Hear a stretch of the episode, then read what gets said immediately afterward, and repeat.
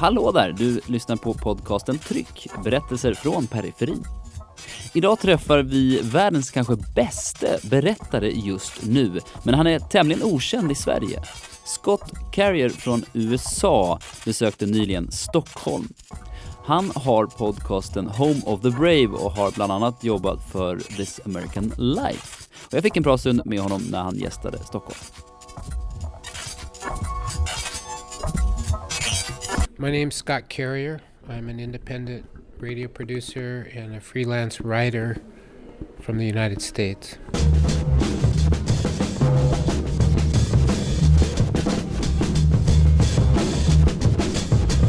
Do you see yourself as a journalist? Mm, I'm not really. Uh, I'm more of a essayist who kind of gets crosses the board into journalism. Kind of stick my foot over there because I try to. I'm, I do nonfiction. I think of myself as a anthropologist to begin with, and then as a documentarian. I do documentaries. And so it's, you know, depends on how you define journalism. I'm not an objective journalist. I don't believe in objective truth or objective reality. So I'm not a, I'm not a news reporter. Although, actually, I've won awards for news reporting. I won a Peabody Award for news reporting.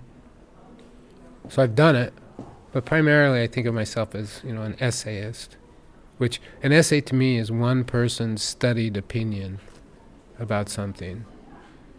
Why don't you use the uh, objectiveness of a journalist? I mean, it's a form.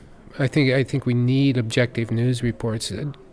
St- you know, stories that try to just get the facts and get them right to be accurate. We need that type of stuff, but it doesn't really exist in the objective view or the objective reality. It doesn't exist, and you know, I think the easiest or quickest way to see that is if you've ever experienced an accident or some event where um, there were other people there. Your view of it, what you remember, what you report, what you see is the truth. It's going to be different than everybody else. That's usually the way it happens from my experience. Everybody has a different account of what happened. And that's as close as you can get to the truth. The first person account, you can't get any closer than that. Except God, right? I don't believe in God. So what we're left with is first person account. But the first person account, they're always different.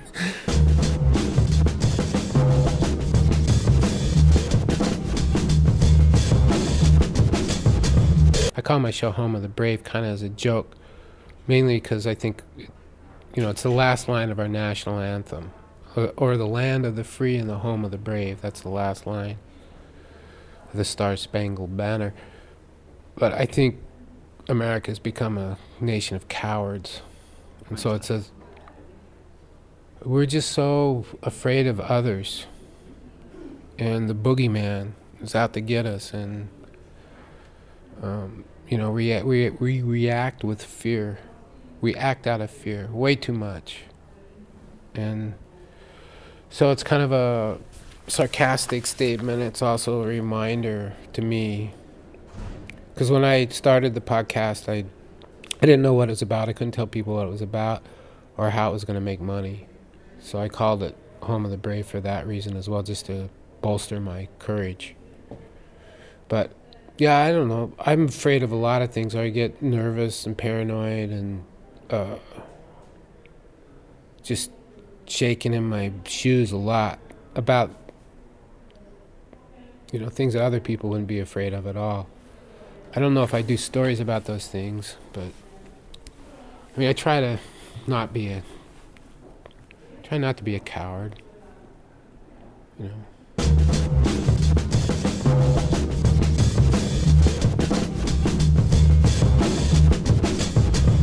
I want to do a story that the audience wants to hear. I don't want to do a story that's going to flop. It's got to be something that I want to do,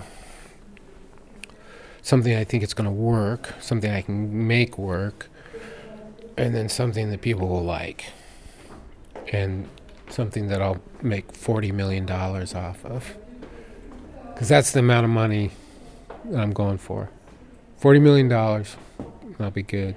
Then what? And it's like that's enough. That's as much as anybody needs. I think. I think that we should just cut the income limit right there because it's like it's got to be enough money.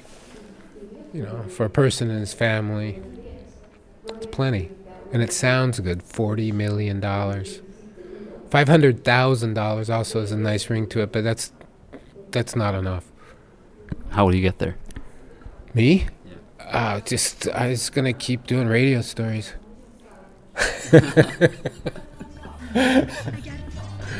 That's the only thing I know how to do. Du har lyssnat på Tryck, den här gången med en intervju med Scott Carrier. Hans podcast heter Home of the Brave, den kan jag verkligen rekommendera. Han har även gjort flera berättelser för This American Life, en podcast som ni säkert känner till.